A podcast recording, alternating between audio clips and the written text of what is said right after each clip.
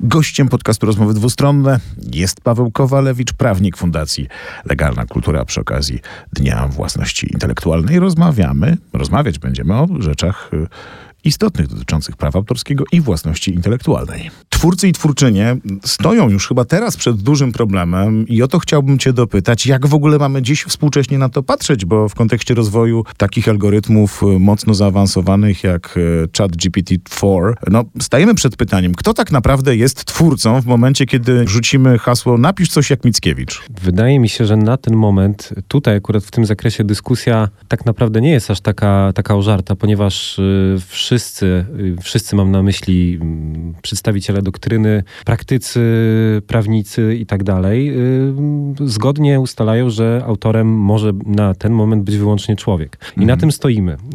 Y, Natomiast mm, jak na to wszystko patrzeć w kontekście właśnie sztucznej inteligencji? Wydaje mi się, że rysują się obecnie dwie takie szkoły. Jedna to jest taka, która nakazuje bać się tej strasznej sztucznej inteligencji, wypatrywać gdzieś tam przebudzenia Skynetu i generalnie obwieszczać zmierzch ludzkości jako takiej.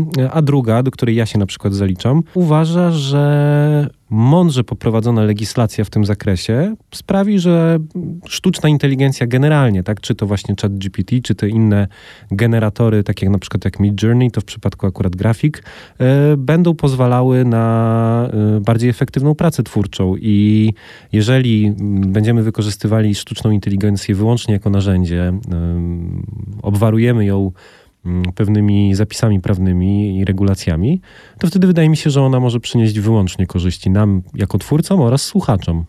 Że te eksperymenty sztuki. są, wiesz, te eksperymenty są fenomenalne, ale z drugiej strony trochę przerażające. Widziałem taką próbkę. Zespół stworzył płytę utrzymaną w klimacie pierwszych płyt Oasis e, z wokalem wokalisty, który bazuje na frazie wyciągniętej właśnie z albumów.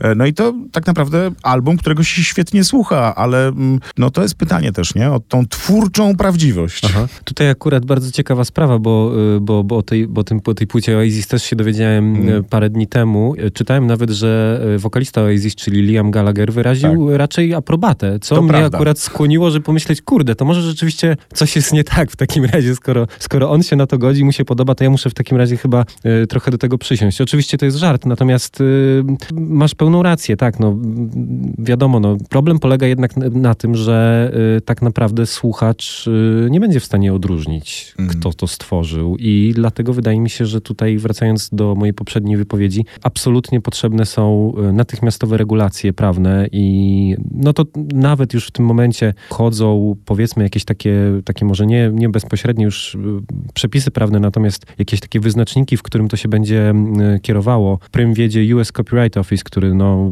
jest takim, taką instytucją, która w europejskim prawie raczej nie występuje, bo to jest po prostu no, takie właśnie ministerstwo, można powiedzieć, do spraw własności intelektualnej i jej ochrony. Tam też trochę inaczej wygląda kwestia rejestracji utworów, ich ochrony. Natomiast wychodzi na to, że rzeczywiście będzie, y, będzie obowiązek wskazania y, przy na przykład rejestracji jakiegoś utworu do ochrony, że on został wykonany w całości przez jakiś generator bądź przy jego pomocy. No to jest oczywiście no, no, absolutna podstawa, tak, no bo, no bo mm, rzeczywiście musimy się na tym skupić. Natomiast y, z drugiej strony mamy takie sytuacje, e, jak na przykład y, sytuacja z gildią scenarzystów amerykańskich. Tak. To, to, to jest bardzo ciekawy, bardzo ciekawy temat. Oni tam, to stowarzyszenie bardzo mocno na Twitterze oponowało przeciwko sztucznej inteligencji i, i, i tak, taka była seria tweetów, które, które mówiły, że właściwie plagiat to jest jakby serce sztucznej inteligencji, pono- poni- ponieważ ona się uczy wyłącznie na chronionych pracach i dopiero wypluwa coś, co jest zlepkiem, co nie do końca jest prawdą, tak na marginesie. Natomiast y, y, oni stwierdzili, że nawet jeżeli jakiś dany scenarzysta stworzy, powiedzmy, całą listę dialogową za pomocą generatora, na przykład tego czatu GPT y, wspomnianego, to powinno zostać uznane jako autorstwo tej osoby, która, że tak powiem brzydko kolokwialnie, wklepała dane do niego. No i rzeczywiście moim zdaniem to jest kierunek, w którym y, to powinno iść wszystko i w którym to będzie szło, bo, no bo mm, to jest właściwie jedyna szansa na ochronę jak- jako taką zarówno twórcy, jak i y, oczu czy uszu słuchaczy, odbiorców tej sztuki. Moje uszy i moje oczy otwierają się na coraz więcej pytań do ciebie. Wiem, że to jest taka sytuacja, w której rozmawiamy nad czymś, co też się rozwija cały czas i pewnie gdybyśmy, gdybyśmy spotykali się za dwa miesiące, nasz stan wiedzy o rozwoju tej technologii tak naprawdę będzie, będzie zupełnie inny, ale wiesz, pomyślałem sobie jeszcze o innym aspekcie, takim bardzo doraźnym, to jest też coś, czego obawiają się przykład nauczyciele.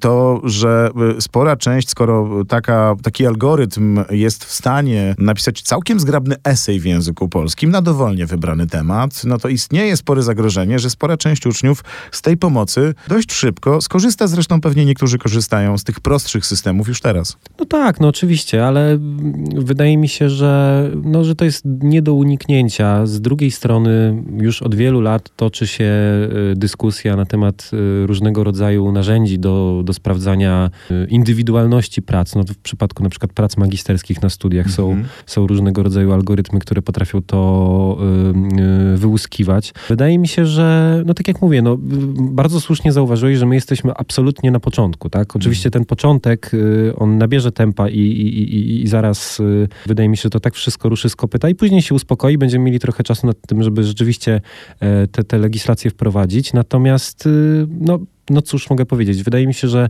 na pewno uczniowie będą korzystali z takich, z takich pomocy, no bo kto by nie skorzystał, no bądźmy realistami. Natomiast z drugiej strony można się zastanowić, nie wiem, może nad zmianą w ogóle systemu edukacyjnego, który by bardziej kładł nacisk na. Znaczy to, to są już oczywiście dywagacje bardzo, bardzo dalekobieżne, no ale może by na to, może rzeczywiście by położyć nacisk na rozwój innych umiejętności niż y, pisanie testów czy pisanie esei, esejów. Natomiast z drugiej strony, jeżeli byśmy chcieli zostać przy takim tradycyjnym modelu, no to mhm. wtedy musimy niestety y, szukać narzędzi, które by nam y, pozwalały dokładnie określić, czy dana praca jest, y, wyszła spod ręki człowieka, czy spod y, algorytmu sztucznej inteligencji. Wiesz, kiedy rzuciłem ten temat jako temat do rozmowy mm, w Śniadaniu Mistrzów słuchaczom i słuchaczkom, to przyszło bardzo dużo maili.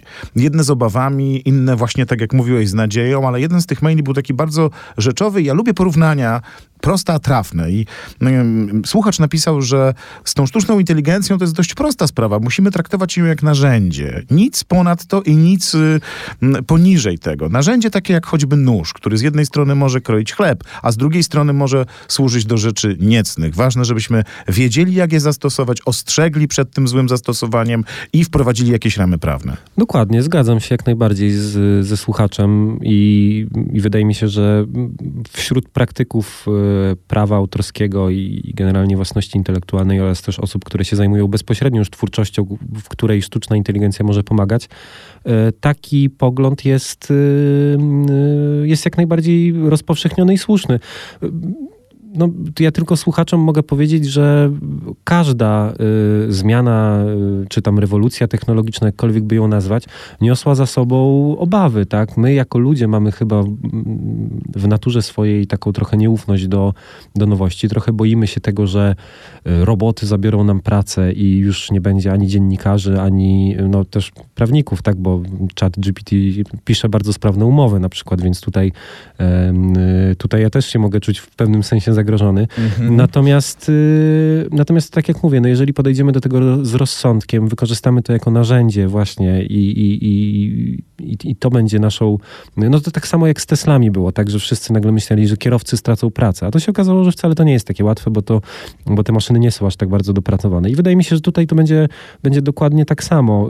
Y, o, albo na przykład przykład z, y, z translatorami, no typu na przykład Google Translate, tak? Mhm. Również parę lat temu, jak ten, y, jak weszła ta nowsza wersja, która już jest zdecydowanie bardziej zaawansowana niż, niż wersja pierwotna, to też z kolei tłumacze różnego rodzaju mieli problemy, y, znaczy mieli obawy, że, że stracą pracę. Y, natomiast jeżeli mógłbym jeszcze jedną rzecz tutaj mhm. wtrącić a propos, y, a propos w ogóle generatorów sztucznej inteligencji, bo wydaje mi się, że obecnie największym wyzwaniem dla twórców legislacji prawa to jest to, jak określić sytuację, mm, w której właśnie dany generator uczy się na na podstawie chronionych już y, utworów.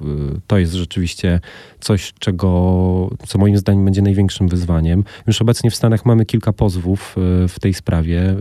Zresztą Mid Journey, czyli jeden chyba z najbardziej popularnych generatorów grafik, został pozwany właśnie przez, przez trójkę artystów, których prace zostały wykorzystane jako, żeby tak kolokwialnie powiedzieć, nakarmić ten chat GPT.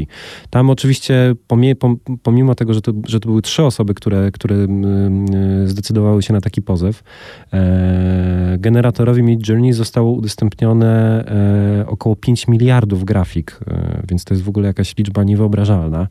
Mm, oczywiście te wszystkie prace były licencjonowane, e, znajdowały się na portalu DeviantArt, swoją drogą bardzo, mhm. bardzo znany portal dla e, nie tylko początkujących artystów graficznych.